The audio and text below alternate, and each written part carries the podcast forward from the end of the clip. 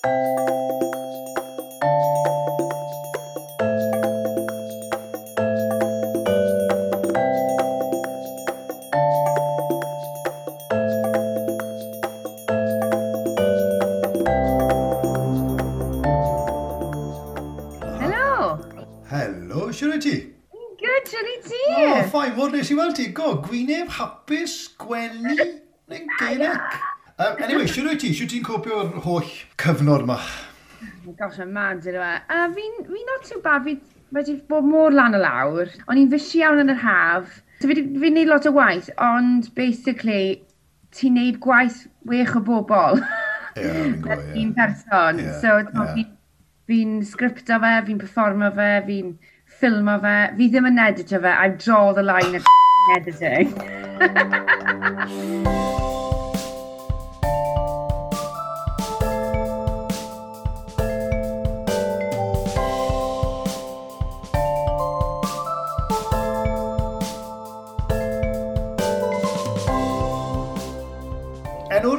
podlediad yma, Caris, um, yw cymeriadau Cymru.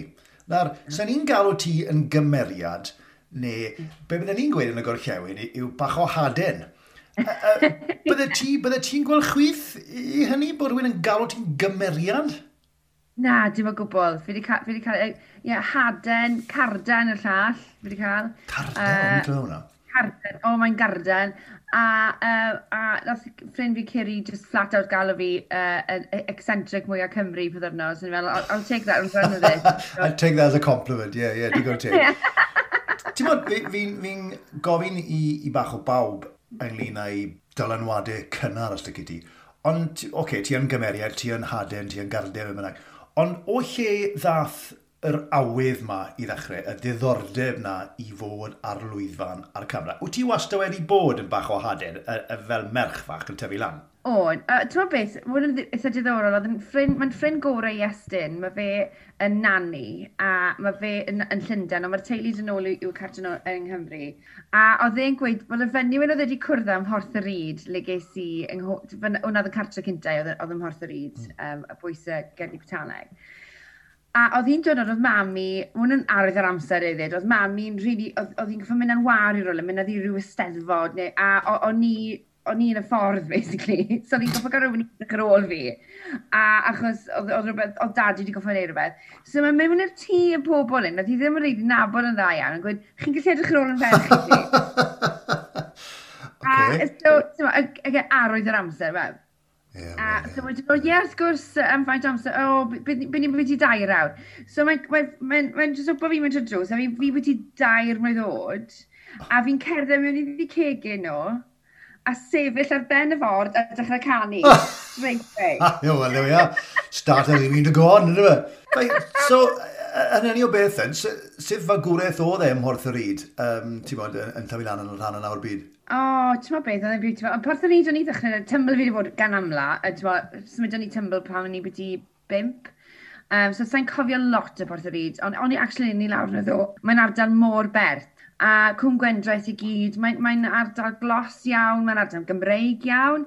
Oedd e'n really weird yn dechrau dod yn teenager, achos um, oedd gymryd o bwyslais ar rygbi yn yr ardal Ie, yeah, fi ddim yn rhoi lot o dams am rygbi. O na? ond da, na, ond o dadi'n yn athro chwaraeon. So, o to, dadi, obviously, yn um, caru rygbi. Ond on, oedd yn rhywbeth fi'n credu, achos o'n i'n tyfus i'n mynd lan o'n tîm o'r ffeisti o ran menywod, a, a oedd y, y sîn male-dominated in, uh, testosterone-fueled, uh, and just yn really boring i fi. Uh, a just, achos oedd y menywod yn kind of redeg rownd y bechgyn un, a'n meant to look sit pretty, a ddim le ni a lot i weid. Ah, ie, ie, ie. So er bod, ti'n ti wedi sôn yn dy dad na'n cwbl o weithio, na fi'n gwybod bod ti wedi colli dy dad yn gymharol, ddiweddar, ynddo. Ond oedd yn amlwg yn, yn, yn ddylanwad mawr arno ti fel unigolyn, sbo, ie? Odi, a mae fe dal i fod, ti'n bod, um, wastad yn cefnogi fi eisiau gymaint, a boi mor ddeallus, mm. ti'n modd, oedd yn athro chwaraeon, ond oedd yn, um, oedd yn darllen am bopeth, ti'n bob di syl, oedd yn athro fe, so oedd yn cael weekends, a wedyn ni ar y di syl, oedd yn eistedd lawr yr observer, a darllen awr glawr i glawr, oh. a wedyn ni siarad beth oedd wedi disgwyl wrtho fi, a wedyn ni roi'r CDs oedd yn dod am ddim dda fe i fi, ac trafod, trafodaethau mor gwleidyddol. Oh, right. A, a wedyn ni, um, mynd am dro wedyn ni, a ddyddoe ni'n caru seiclo, a, a yn ywedig pan o'n i'n mynd hun ac yn dod getre, achos mae mam yn llawn beans, mae mam yn joio siarad, siarad, siarad. So wedi pan fydden ni'n dod getre, bydde fe fi yn cael amser yn hunain wrth fynd ar y beics. O, oh, right, okay. So dde fath yn rhyddhad yn dy fam, dyn Drian? Ie, yeah, ddodden ni fel, uh, beic. Break bach. A, o na, oedd e'n lyflu, chos um, ond oedd e'n gofyn y cwestiynau Oedd e'n e ddiddorol, achos oedd mam yn athrawes cynradd a dad yn athro uwchradd. So oedd approach nhw i bobl ifanc yn wahanol, oh, okay. le oedd mam, mam i dal yn trin fi a'n wari fel plant bach, le oedd dad i'n gofyn y cwestiynau anodd, yn yeah. wedi to heartache, tas o'n i'n torri lan dy rhywun, bydde, da, bydde mam i jyst yn fach mewn fabi gytre, yeah. a bydde dad i'n gofyn beth digwyddo, doedd ti'n oce. Okay. Oh, okay. So, oedd i cymeriad y dad yn mynd ac wedi effeithio dy gymeriad di fel, fel cymeriad, fel, fel, fel oedolyn? O, o yn, yn sicr ydy. Y dadi'n berson placid iawn ac yn berson um, rhesymegol iawn a fi'n credu fi, fi definitely wedi cadw. Fi, fi, di, fi di magu bubbles mami, ond uh, fi wedi cael uh, uh, yr ochr um, pwyllog dadi. Yeah, um, yeah, yeah, yeah. A fi yn, a ti'n er, er, na gwy'n fan o'r rygbi felly, uh, ond fi yn fan o um, mas ar y beic, ymarfer corff. So, right. so dad a fi, nath e ddylanwadu fi lot fel la, oedd e'n fwy ffit iawn. Um, yna pam oedd e'n drist wrth gwrs bod e, bod e yn fwy trist felly bod wedi cael uh, clefyd motor neuron um, oh, am fwy mor, um, mor abal mm, i fod yn yeah hollol anabal. Ie, yeah, mae ma, ma, MND yn rhywbeth, yn rhywbeth uh, terrible. Yn, yn ogystal â dy dad then, o ran dylanwadau yn y byd comedi, oedd na rhywun oedd yn sefyll mas, oedd na rhywun yn iaith Gymraeg, iaith Saesneg neu bach o'r ddau, oedd yn sefyll mas ac yn ddylanwad arno ti? mae gymaint o bobl, fi bach fy sponge i fod yn onest i ti. Oedd yn ddynwario fi yn teithio yn y car. O'n i'n deulu oedd yn sport, mae mam yn sport, mae'n wario yn sport, mae'n ni gyd yn, mae ni gyd yn bounce off yn gilydd. So byddwn ni'n mynd yn y car i'r airport falle i fynd i'r le, a byddwn ni'n hala'r orien yn y car a mynd trwy scripts absolutely fabulous. Neu, a ni'n gwybod popeth air am air, ti'n a bydde, ma, bydde ni am bod yn John Lumley, bydde ni'n bod yn Jennifer Saunders neu Bubbles, a wedyn ni, bydde ni yn joio neud air am air a, a, a neud yr acenion. A ni beth yn gwybod bydde hwn yn dod yn useful yn, yn y dyfodol. Oedd e jyst yn rhywbeth o'n i'n licio neud, oedd e'n ffordd yn lot o sport i mas o'r amser, ti'n ma? Ie. Yeah. Gan i mynd o then, um, i 2004, A ti'n meddwl, fi'n neud y research am, am fy, fy bobl gwadd, Caris, nes i roi dy e enw di mewn a, uh, you became a resident actor yn Theatr Genedlaethol Cymru. O'n i'n meddwl, so oedd fath beth i gael yn resident actor yn Theatr Genedlaethol Cymru. Oedd hwnna'n amlwg yn, yn big deal i ti ar y pryd, oedd? O, Oedd hwnna fy'n jobyn actor cyntaf, really. Um, ond hefyd, oedd dyw'r math na o, o gontract ddim yn rili really bodoli ragor, a fi'n credu bod nhw'n neud falle neud ar, ar, ar um, yn y Royal Shakespeare Cymru RSC, fi'n credu bod nhw'n neud rhyw fath o rep work. Ond oedd hwn yn, um, yn unigryw iawn, so a, pam ddechreuodd hyd i Genedlaethol Cymru yn 2004, wnaethon nhw hairo pedwar actor i fod ym mhob un o'r perfformiadau nhw am, am y gyfnod o ddwy flynedd, so oedd yn ddwy flynedd o contract. Ac yn y, cyf yn y cyfnod, so o'n i'n un o'r pedwar gath i dewis, mae so lot fawr o bobl, a wedyn ni, um, wnaethon ni deithio Cymru wedyn ni am ddwy flynedd. So o'n i'n fel, beth o'n i, 22, oh, wow. straight mas y coleg, yn, yn teithio Cymru gyda... O, o ti'n meddwl bod ti wedi cyrraedd y pinnacle yn barod? Wel, o'n i fel, mae hwnna'n gret. Cymru dalu, mynd i aros mewn hotels a, a, a bach o acto a, a cwbl o beints, falle, ddiwedd y nos, falle, yeah, what, what a life. Absolutely. O'n i, mm. ie, nes i gerdded mynd i roi cushy number fyna. a, a, ond, on, ti'n o'n i, fwy na dim byd, nes i ddysgu lot wrth yr actorion. O'n i'n cymryd yn eitha serious. O'n i'n ware lot, pa gaf i rong. Ond wedyn, oedd ti, ti actorion amazing, fel hmm. Sue Hughes, Sue Roderick, Christine Pritchard. Oh, yes, good, right, okay. Yeah, yeah. ti'n Pro proper actors, like old school bethau, mewn ffordd yna, wedi dysgu'r dysgu, dysgu grefft. Yeah. yeah. Yeah, the cream of the crop, ta, yeah, a yeah. Bryn Fawn, Glyn Pritchard, um, but the list goes on. Er o'n i ddim, ti'n es i coleg dyndon, nes i studio theatr cerdd y cyfryngau, nes i ddim mynd i goleg drama, studio drama, per se, ti'n modd? So, nes, ti'n modd, pam ti'n mynd i coleg cerdd y drama neu rad, yn y ti'n studio actio. A nes i ddim wneud na.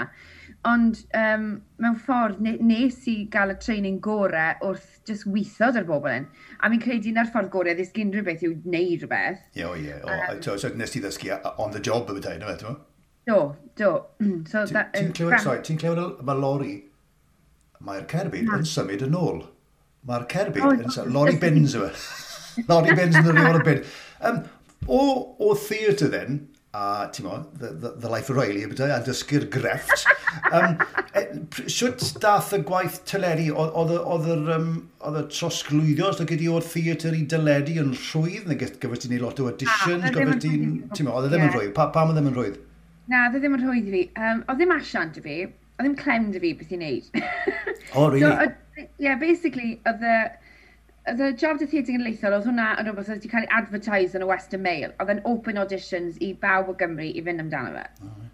So, o'n i'n ymwybodol amdano fe. Ond wedyn ni gyda gwaith teledu, mae'n pobl, yn ma mynd trwy casting agents, a mynd trwy asianteithio actio, a oedd dim asiant dy fi. So, ddim clem dy fi siwt i mynd trwy'r byd na.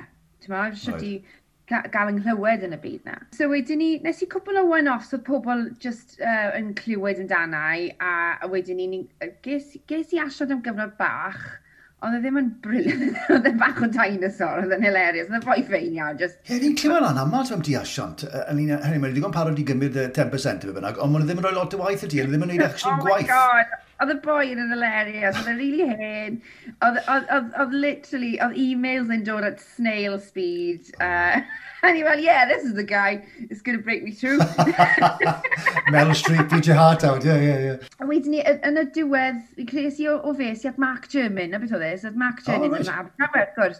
A dde uh, e, a ysgol i bobl ifanc, ond hefyd yn rhedeg asiantaeth i uh, bobl ifanc hefyd. So, ys i eto fe, a wedi gath e audition i fi dy pobl o cwm. A ges i ddim y rhan um, ond wnaethon nhw batch additional lot o ni, ti'n Mm. A, a wnaethon nhw really fwynhau beth o'n i wedi gwneud. O'n i ddim yn iawn, na'r thing amdano auditions, os ti'n iawn yn gofyn nhw'n cymeriad, mae'n ffain, mae just, mae rhywun arall yn siwtio fe, a ti ddim. So wedyn nhw, na, ni mae'n cadw llygad na ti, a wedyn ni wnaethon nhw rhoi job i fi yn y diwedd fel um, plismones. So, o'n i'n wara DC Sophie Fielding ar, uh, yn y cwm, am, am, ryw, am ryw feder mlynedd on and off. Ie, yeah, nes i un episod o teulu, ond oedd hwnna, o'n i wastad yn high risk i bawb ar y pryd, achos er oedd fi lot o brofiad theatr, y radio, o'n i gyd, oedd dim profiad teledu da fi. A er o'n i'n gallu delifro yn yr auditions, o'n nhw jyst yn edrych yn CV o gymharu pobl eraill, a meddwl, sori, sy'n profiad i ti. Ond o'n i fel, fi angen profiad i gael profiad. Ie, yeah, the catch-22 yn y fel So, The catch-22, ie. Ti wedi dod ar draws yna, ti'n modd, tipyn hynny yw, os na iddyn wyneb yn ffito, neu os na ti'n nabod y person iawn, neu os ti ddim wedi cael y cefndir iawn yna, na, ti ddim... Oeddi hwnna'n bod yn y byd actio'n gyffredinol, ti'n fel? i fod yn adonis ydy sai wedi dod ar draws e a lot. Uh, mae pobl casto o beth i fi'n gweld, maen nhw wedi cynhyrchwyr. Mae nhw'n, mae cynhyrchwyr yn rili really gofalus o'i cynhyrchiadau nhw. Mae nhw'n moyn i cynhyrchiadau nhw i fod yn briliant. Yn yeah. fel maen nhw wedi dychmygu yeah, yeah, yeah, i gwaith celf nhw. Ie, yeah, sure. So, so, so nhw'n ni really compromise o fyna fi'n credu, no, uh, a just no. roi fe unrhyw un. Uh, so, a na'r pe, na pam rhywbeth o'n i'n deall, o'n i'n deall ar y pryd, er o'n i'n brwydro i gael yn glywed, o'n o dal fel dy teulu, o'n i lan am uh, un o brif fannau fyna, a nath merch arall oedd a lot fwy o brofiad cael e, ond wed, wnaethon nhw wei, fi ni moyn rhoi gwaith i ti do, achos ti'n amlwg yn dda, a ni moyn magu profiad. So, nhw'n rhoi fel, fel lead of an episode i ti wedyn. So, wedyn oedd credits fi'n dechrau bildo okay, lan, so okay dy fi bach mwy o wmff i fy mewn i, i cyfweliadau eraill ydyn ni. Ond ti'n meddwl, mae hwn wedi digwydd dros gyfnod o flynydde, ac yn y meantime, yn ti'n gwneud pethau eraill, sydd ddim yn neud ar byd i fedru byw, i fedru ennill arian, ti'n modd? Yeah, um, yeah, sure. Uh, lot o gwahanol jobs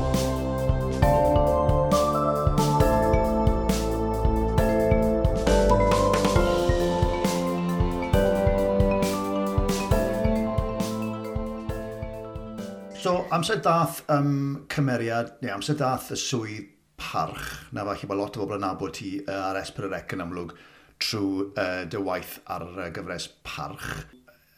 Nes ti, oedd hwnna'n rhwydd i ti gymryd? Oedd yna rhywun arall lan am y job na? Neu, neu ti oedd wedi cael ei sgrifennu gyfer ti? Neu, neu ti oedd yn mynd i gael y partner? Wel, na. Oedd gath ei e sgrifennu gyda rhywun arall mewn golwg. O, oh, right. Sa'n gwybod pwy yw'r person e, mae, mae gyd al mystery fi, um, ond, uh, ond oedd y person uh, di gweld y sgript, dwi'n meddwl mae hwn yn ormod, ormod i gymryd blaen. oedd i wedi gallu rhagweld uh, faint o waith oedd e, achos oedd e'n killer, oedd parch yn killer. Ond... Um, Mewn pwy ffordd, pam, pam ti'n gweud ni? Ti'n o'n i'n mewn cyn pawb, o'n i'n gadael e ar ôl pawb. Right. O'n i'n, fel arfer, ar set, mae ma, ma, prif rhan yn cael ei, ei rannu mas yn eitha hafar rhwng tua 34 o bobl. So, uh, ond o'n i ym mhob golygfa y blaw am tri yn y gyfres cyntaf. Osgol. Oh, yeah. So, and this was your vehicle, hynny, hynny, oedd e, e llythrenol, beth ti'n gweud, it was all about you, wasn't it, really? E, oedd e'n hardcore. A hefyd, achos y subject matter, er, er oedd, oedd pethau sgan amdano pact, oedd oedd wedi cael ei sgrifennu mor arbennig, ond oedd e just, oh my gosh, oedd ti'n ti cyrraedd na am wech y bore. Na, dwi'n cael pigo lan am wech y bore, o'n i'n y make-up chem hap y six, o'n i'n mas am make-up chem hap y seven, o'n i'n cael rhywbeth i fita, a wedyn ni byddwn ni'n teithio i saith dim oeth, o'n i ddim yn really stopo wedyn ni tan saith y nos, wow. a wedyn ni'n nôl i'r make-up chair, tynnu popeth off, o'n i ddim getio'n y soedi lwch yn nos. Yeah, yeah. So ti'n siarad 14 hour days, wow. a, a, a mwna i gyd yn contemplato marwolaeth i the whole time. Ie, yeah, ie, yeah, ie, yeah, achos oedd e gyd am hwnna. E, Esbonia ni'n gyflym beth oedd y concept tu ôl i parch a, a dy gymeriad di. Rwy'n gwybod rhaid o am byrwydd yn mynd i wele. Ie, yeah, mae'n rili diddorol, actually, achos mae lot o bobl yn meddwl fel Vicar Dyflu Cymraeg yw e, achos maen nhw'n nabod fi. Mae hi'n haden, mae hi'n bod bod one of funny vicar. Uh, and na, actually, oedd hyn, like, real drama. yeah, yeah. um, so, mae Myfanwy yn vicar, mae'n fam i ddau blant, mae'n briod a terwyd, mae'n fysi, fysi, fysi. Mae bywyd yn rili really brysur, a wedyn ni, um, un diwrnod, mae ma, ma, ma rhywun wedi torri mewn yr eglwys, maen nhw wedi defeisio uh, uh, Iesu, a mae, mae, mae make-up dros Iesu, a wedyn mae'n mae climo lan i ole, a wedyn ni mae'r statue o Iesu yn cwmpo'r ni, mae'n mae, mae, mae ar ei phen hi, a mae'n enda lan yn ysbyty, achos mae, mae, mae, mae mae cwt anferth na, mae wedi cael ei cnoc, a mae wedi noco ddi mas. So mae'n dyn o lan yr ysbyty, a wedyn ni, um, maen nhw'n sgano hi, achos y, y gnoc, ond wrth gwrs, neb sy'n dangos lan yw unrelated issue, So mae brain aneurysm yn dangos lan um, sydd falle di bod na eriod a sy'n aros i'w lladd hi. Oh. So, a, a, a so mae rhaid i hi contemplate cael yr operation yn nebido i gael gwared, yn, uh, i gael gwared o'r uh, cwlwm bychyn. Mm. So, uh, ac yn y cyfamser, side effect o'r um, condition yma yw bod hi'n hallucinato. A mae hi'n hallucinato'r meirw mae hi'n claddu, a mae nhw'n cwestiynu i ffydd hi a phwy yw hi'n y byd. Yeah, yeah. Sy'n big to, philosophical thing. Ydy, ie, yeah, mae'n bwnc mawr, rwy, e? ti'n meddwl, e, e, wel, gyda pob parch yn America i Esbrorec, falle, fe ddim wedi delio fath na beth ar Esbrorec o blaen yn Gymraeg. Ie, ond mae'r sgwennu fflir mor gynnil, mae'n, oedd nath i sgrifennu cymeriad mor hoffus, oedd gymryd o humor yn dymewn iddo fe, so oedd i'r pwnc rili trwm ma, A, ond hefyd, mae'r ma, ma, ma, light and shade ffyr, mae hi'n mae absolute genius, fi'n meddwl, yn ysgrifennu. Os na le uh, i hwnna i fynd, yn i'w, os na fwy o barch i fwy... Olle, mae'n ti'n ffili ateb y cwestiwn ar hyn o bryd yn amlwg, achos byddwn ni'n mynd trwyddo. On... O na, o na, sy'n fwy o parch, fi wedi marw. o, ti wedi marw, ti o'r... o ie, ti wedi gwneud loads o research, Chris. Sugar, sorry. Oh, shit, rai fi ddim yn Anyway, symud mlaen. Um, anyway, symud mlaen. O'n i'n mynd i ofyn i ti, o'n i'n mynd i ofyn i ti, ti'n mwyn i fi siarad am, am gwaith actio a uh, ti'n ti, ti dechrau'r gweir yn y bethau. Ydy bywyd actor yn ansicr, yn ansefydlog, hyd yn oed yn unig Caris, a ni siarad am hwnna yn mynd munud, ond yn gyffredinol, ti'n mwyn ni'n clywed ysdraion, oh yeah, it's a very insecure lifestyle. Ydy hwnna'n wir? Ydy hynny yw, ydy actor, os nad yw'n cael y gwaith yn teimlo, god, mae neb yn lyco fi, mae neb, os na'r siwgymaint o ansicrwydd in the general actor, ydy hwnna'n gwestiwn twp, ti'n ddiwedd? Na, na, dwi ddim yn gwestiwn tebl gwbl. Um, mae ma fe gyd lawr i'r unigolyn, fi'n credu. Um, mae fe'n gallu bod yn ansicr ydy. Fi wedi bod yn lwcus uh, rhwng y gwaith yn cyn i fi gael parch, ti'n modd, e, popeth yn eitha patchy, mm. ond oedd wastad job dy fi, um, o'n i'n gallu mynd nôl ato fel, fel dim theatre and education oedd e, ond basically, o'n i'n delifro workshops i blant, a ni'n gallu just drop o'n mynd y mas o fe, a then talu'n rili really dda. Right. So, oedd e'n rhywbeth sefydlog, so basically, a diwedd y dydd, ti'n gwybod sefyfo, ti'n gwybod gael arian i yeah, yeah. byw. Ie, yeah, yeah, so, yeah. Uh, a, a, na, na beth i ti moyn neud yw creu gwaith sy'n sy cynnal ti. Ond wedyn ni, um, yw'n i fwy o fwy act, ond oedd e, oedd y boed yn rhedeg y cwmni wastad yn gwybod, so a ddim moyn i fi gyrraedd y potential na. So, oedd e wastad yn hapus, so ni'n gweud, listen, o'r gorau day off, uh, audition neu I need three weeks off. Oedd e jyst yn deall, oedd e'n jyst yn cyfro fi. Oedd e jyst yn dream situation oh, i fod yeah, no. good. A wedyn ni wrth gwrs, uh, So, ti yn gweld y cyfnodau patchy yn. Fi byth i, fi, fi byth di bu, bod yn un just eistedd nôl a cymryd na, i fod yn onest y ti. Fi'n ormod optimist a hefyd fi'n licio creu. Yeah. So pa mae'r cyfnodau yn dod, fi'n credu mae'r cyfnodau yn, yn, yn, yn amseroedd hynod o ffrwythlon mewn ffordd. So os i ti'n gallu just eistedd nôl ar creu rhywbeth dy hunan, boed e'n ganeuon neu unrhyw beth o'na. Rhywbeth sydd jyst yn mynd i arfogi ti'n y dyrfodol i unrhyw job arall.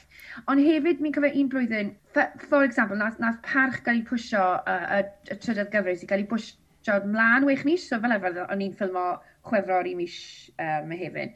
ond gath ei bwysio i mis Awst last minute, sy'n big deal, ti'n mor, o ran financial uh, situation. Oh, right, yeah, yeah. Felly ni wedi blaen o lan loads o waith, ti'n mor. Right. Uh, ond wedyn, so beth nes ni ar, ar, ar y pryd nawr, nes i roi ar Facebook, mae hwn wedi cael ei pwysio, uh, fi ar gael, i helpu pobl gyda'u prosiectau nhw, os chi'n neud R&D, os ych chi'n datblygu sgript a chi'n moyn fi helpu chi i uh, ddarllen e, i roi notes i chi, i helpu mewn unrhyw ffordd. A wedyn ni, mae lot o pobl yn dyn ôl, achos mae pawb yn neud rhywbeth, a wedyn ni ti'n rhan o'i gwaith nhw yn helpu creu, i creu nhw, a wedyn ni ti'n dechrau uh, network. Right. A wedi ti yn rhan o'r, or byd yma. Ti'n dŵr, ti'n ti, ti, ti mynd i chwilio am y gwaith, ond... Oh wyt ti, wel, fi'n gwybod, ti, ti, di, ti di dioddau fel lot o actorion arall felly o, o, o unigrwydd, os na unigrwydd yn perthyn i fywyd actor ac yn hynny o beth, falle mae hwnna sydd wedi arwen ti falle yn rhanol i fy mlaen i'r prosiect anferth ma sydd wedi sort of newid y fywyd i mewn ffordd o, o Lovecraft. Ydy hwnna'n iawn?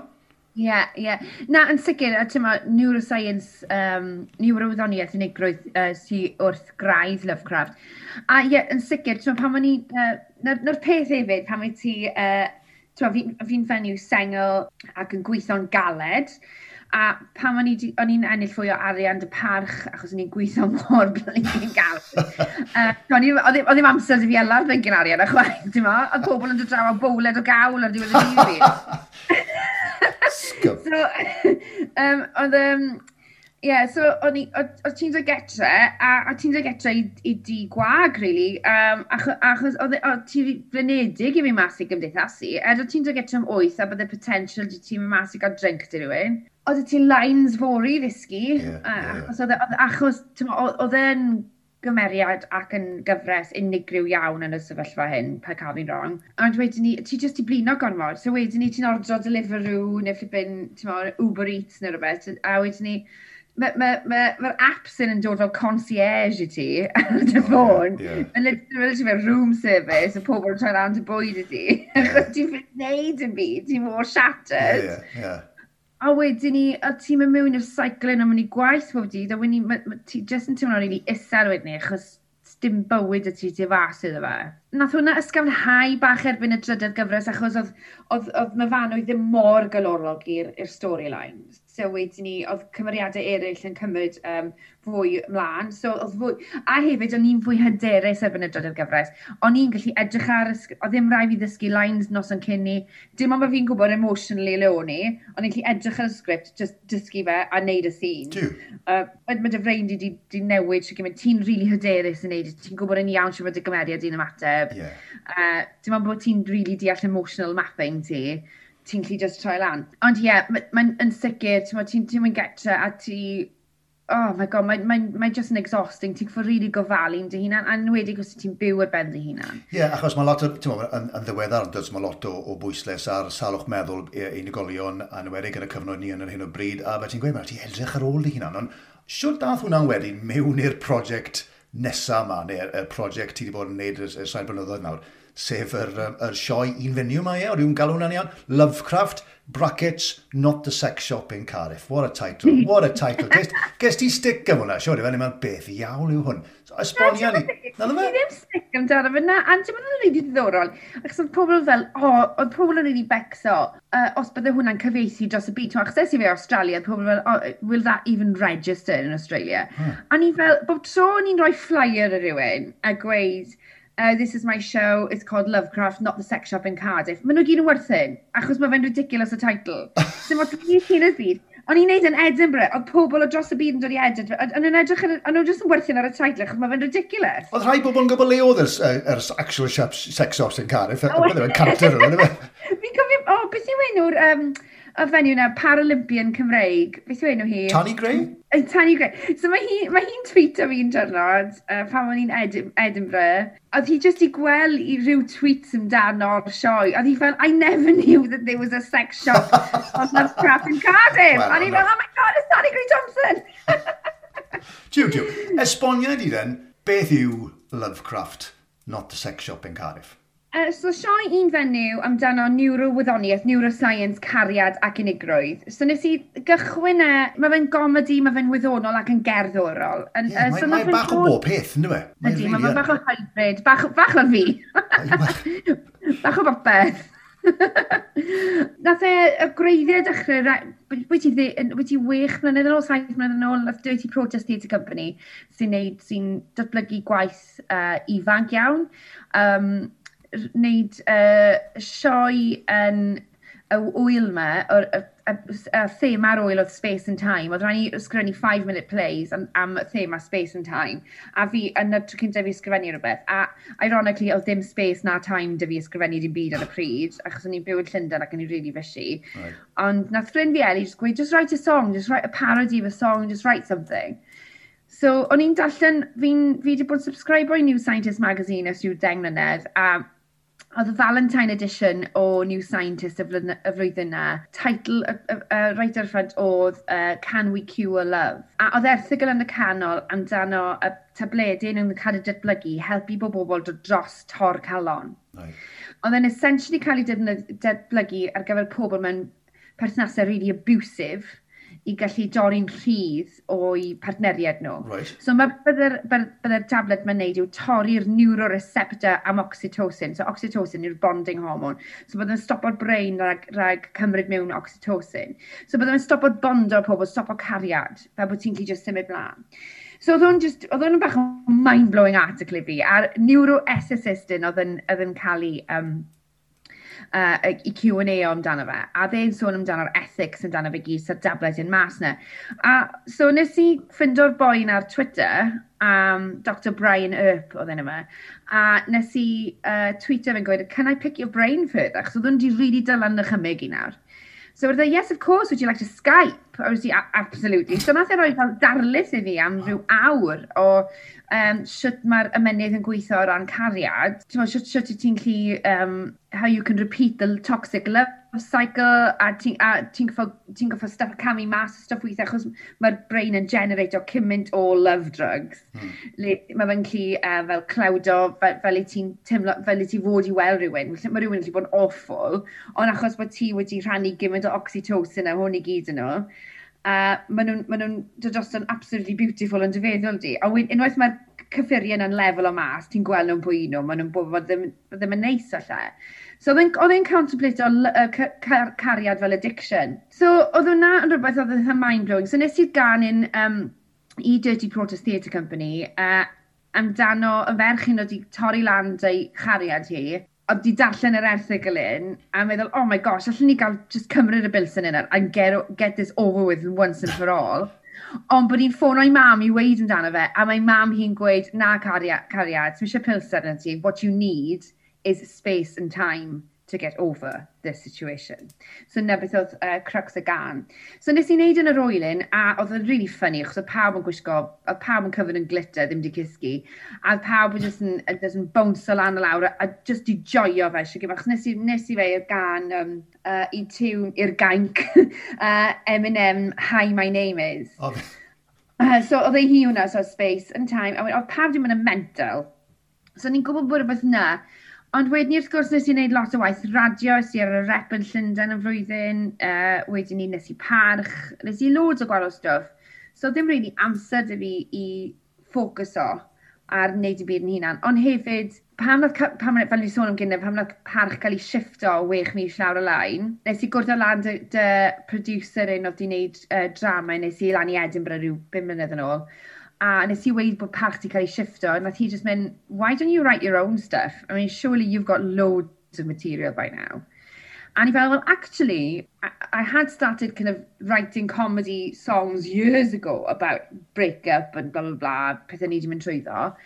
Ond erbyn hyn, mae fi'n gwybod bod fi moyn tanlinellu popeth gyda gwyddoniaeth. Right a bod fi moyn nawr mynd mlaen a creisio un fenyw oedd yn archwilio mewn i gwyddoniaeth cariad, ond dim jyst cariad um, rhamantus, rhywiol, ond cariad cymdeithas. A beth yw cariad? So bod mynd yn really philosophical a mynd i reit really gwraidd beth yw cariad actually, fel i ni'n diffinio cariad yn wyddonol. So, uh, a wedyn, ie, yeah, so es i, um, es i ati i ysgrifennu'r um, y sioe, a ath y e lawr, ath y lawr yn eitha e da. ath y e lawr yn dda iawn yn ni, ti wedi bod bach bo man, mae, ti wedi cael llwyddiant, rhyfedda. Yn sicr, oedd e'n gwbl wahanol yn y Gymraeg, hynny oedd e'n Gymraeg ac yn Saesneg, neu, neu oedd e'n bach yn ddwy eithaf? Nes i gyfeithi fe'n diwedd, do, a nes i gyfeithi fe blwyddyn diwethaf nes i gyfeithi fe, um, yn yr haf, o'n i nes i deithio fe yn y hydref yn, yn Gymraeg a Saesneg. Oh my gosh, oedd yn frein i ddim yn hapus dy fi. O'n i'n mynd i weid, oh sgwb, dan, ie. Achos, ma, mae fe'n awr y sioe, mae fe'n dechnegol iawn, mae fe'n wyddonol technegol, Mae fi'n rapo, mae popeth yn yn eiriol cloi, mae fe gyd i backing tracks, so sy'n lle i wneud mistakes. Oh, yeah, right, yeah. So, so mae dy freinding from home, mewn such a zone bod tro fi wneud y sioe, a wedyn ni, oedd rhaid fi mewn i zone arall i gyd yn Gymraeg. Wyt ti'n cael ymateb gwahanol ddi wrth Cymru Cymraeg a ddi Gymraeg, os na, os na ffyrdd? Oedd yn really funny, right? Oedd y sioe cynta nes i yn y theatr felyn fach. O ie, fi'n ar y theatr felyn fach. A saith o fenywod mewn, eisiau yn y ffrind, o'n nhw gyd yn vicars, achos o'n nhw gyd yn dwlu am pan. Really? Really? Oh, wow. Nes i cael O'n i'n cwtio pawb o'r ffordd mewn. O'n i'n drwliad parch ti. Ledydd, sy'n byd parchus am hwn. O'n i'n mynd i weid. O'n i'n chi'n sylweddoli beth yw hwn, ladies. A nath nhw'n wnau, anyway. Dwi'n meddwl beth joio nhw siwr byd, Achos mae neges y sioe yn yr un peth a neges chrysnogol, ti'n modd, um, cariad yw, ti'n modd, cariad yw, mae, mae rhaid ni edrych ar ôl yn gilydd, mae rhaid i gymdeithas cariad yw gofalu amdano ni gyd, ti'n modd, cariad yw um, bod yn garedig bob dydd, a fel mae hwnna'n gweithio ar y brain. So, ti'n beth, ti'n modd, pa mor, ti'n modd, anghyffyrddus yn nhw ar bits ono fe, ti'n gwybod erbyn diwedd, maen nhw gyd on bod. a, a byddwn ni'n, o, yn dda cyt ti'n newid, mae cariad yw pob beth ac edrych ar ôl yn unen, a'n gilydd y bethau, a Iesgob, mae hwnna'n hyd yn oed fwy relevant den i'r cyfnod ni yno ar hyn o bryd. Mae thema a'r neges tu ôl y sioe yma, Caris, bod nhw fod yn, yn, yn addas dros ben, yn yw? Ydy, ydy, mae fe. Um, sy'n... Mae'n mad, mae, mae unigrwydd wedi cael i um, contemplatio mewn, mewn magazines gwyddonol ys blynydde, mae crisis mod wedi bod ys blynydde nawr, achos, achos cyfryngau cymdeithasol, mae pobl ddim yn cwrdd o lan, maen nhw'n just yn dieddol o siarad gyda. A, a ti'n mae just gweld text yw ddim peth a handwriting, sy'n personoliaeth yn y, yn y ah, text sy'n yeah. gweld, ti'n sy'n byd o'r person, ti'n darllen pethau'n wrong, ti'n cymryd y, y, y negeseuon wrong. Uh, a ie, yeah, pan fi'n edrych ar Twitter trwy'r cyfnod clo, mae pawb yn grac. mae pawb yn grac.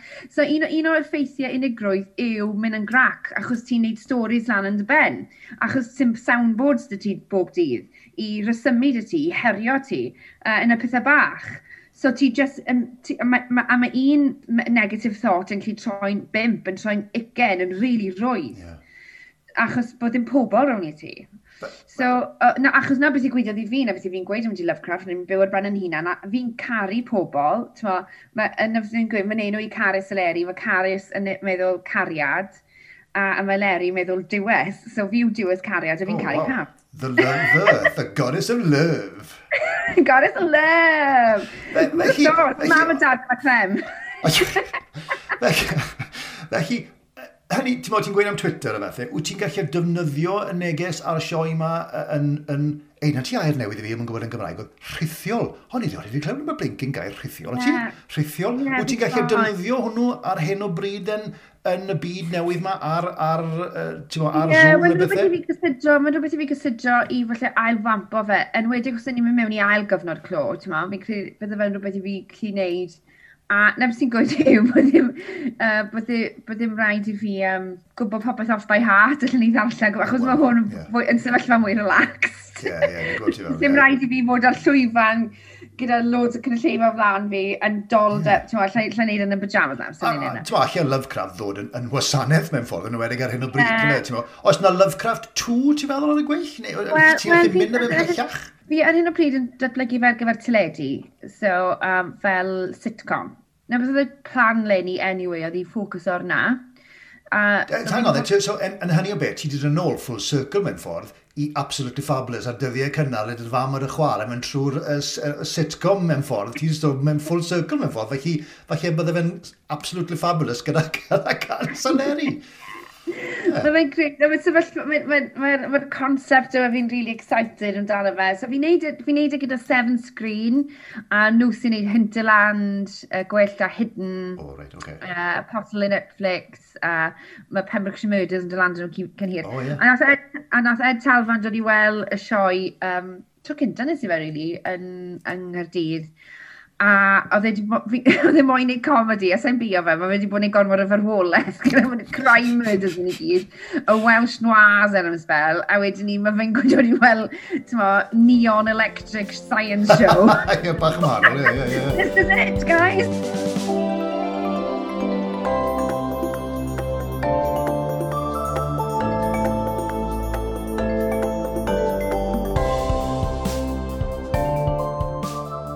wyt ti, wyt ti'n ymdopi gyda'r gyda Covid-19 ma a'r lockdowns ma fel i ni go hynny? Wyt ti'n ymdopi gyda'r holl beth? Achos mae'r byd creadigol yn gyffredinol, let's face it, wedi sort of cael y ffach o sioc yn dyn nhw. A, yeah. a ti'n mwyn, mae actorion fel ti yn ymdopi y fath yma o beth, achos chi ddim yn cael cyfle i fod yn, yn creadigol, ie? Chi ddim yn cael cyfle i fod y chi'n mewn ffordd, chi?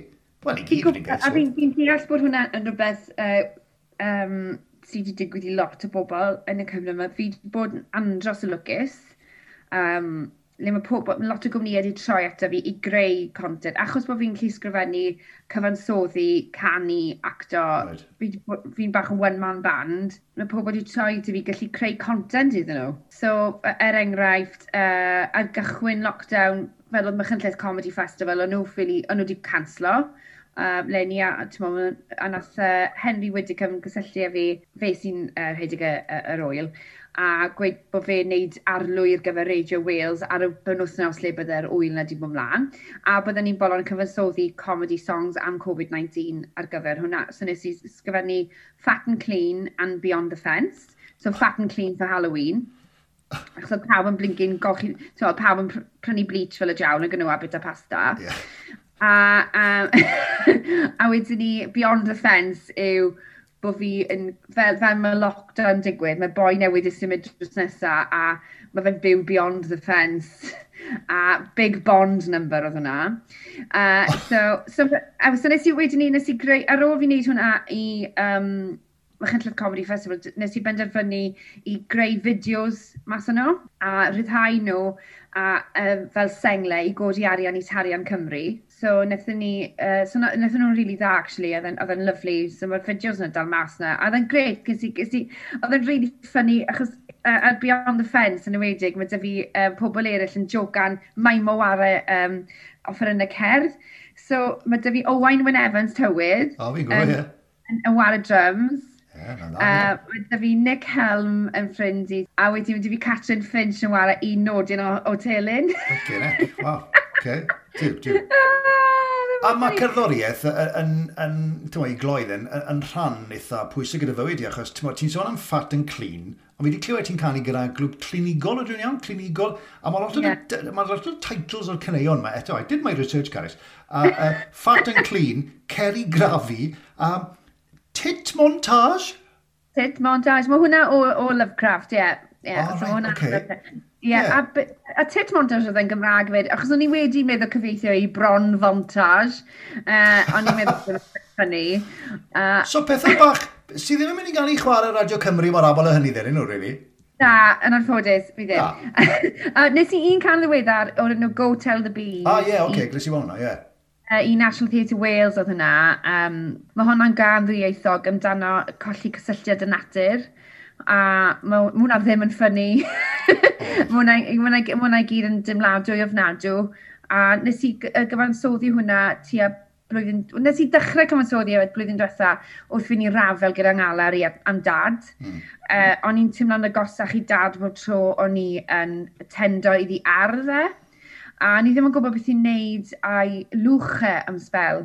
Uh, fel, ni, o'n i gyd yn mynd â uh, gwasgaru lwch yn, yn y llefydd oedd e'n caru bod, ond fi llwch yn unan. A, a wedyn ni dechreuais i gytre a tendo mwy i arddau, a wedyn ni'n ni'n sylweddoli bod fi'n gwybod beth i'n neud, oedd i ar, roi llwch ar rownd i'r goeden falen ath y e difu fi. Nice. Uh, so roi i fywyd yn nôl i'r bywyd roi o dde.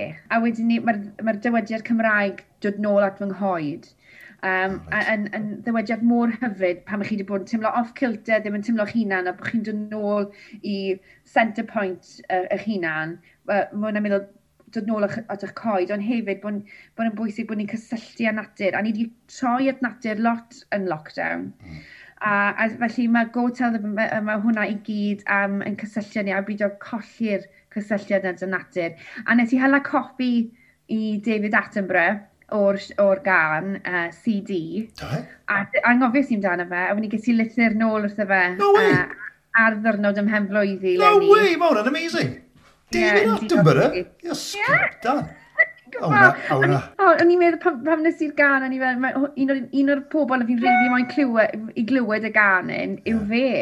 Achos mae fe'n, mae fe just yn anhygol o ddyn, a hefyd faint, faint mor hir mae'n mynd i fod ar y blaned. Um, oh, mae ma fe'n ma 90s nawr, ti'n meddwl, fi'n fi'n mwyn diwedd e. A ti'n meddwl beth be, sy'n dod mas o'r, y stori ti'n ei weithio fi, never mind David Attenborough, fydde dy dad mor, mor, mor blincyn proud o ti bod ti wedi wneud na ac yn meddwl yna fath o beth. Yn bydde fe, really. A mae fe'n ma gweud lot amdano ti, Caris. Mae'n really yn... Oh, Ei, ffantastig. Diolch yn fawr ti. Gweithio ni'n arall, mae bobl yn gallu cael gafel yn y tŷ. Fi'n gwybod bod ti ar social media a ti'n modd y gynlluniau yn y dyfodol. Sut mae bobl yn cael gafel yn ti? A fi ar Twitter, ar at Caraseleri ar Twitter, um, a fi ar Instagram, Caraseleri Lovecraft, fi'n credu ar hwnna. So ie, yeah, nhw, nhw, fi'n gweld Facebook fel rhywbeth bach mwy personol, dy ffrindiau. Yeah. Uh, ond ie, uh, yeah, croeso chi cael gafel yn fi fyna. Mae'n cael ein newid yr podlediad yma o cymeriadau Cymru i hadens Cymru. Ydy hwnna'n nesaf? Ie, hadau. Na, ddim hadau, na, mae hwnna'n rhoi o hadau'n holl i wahanol.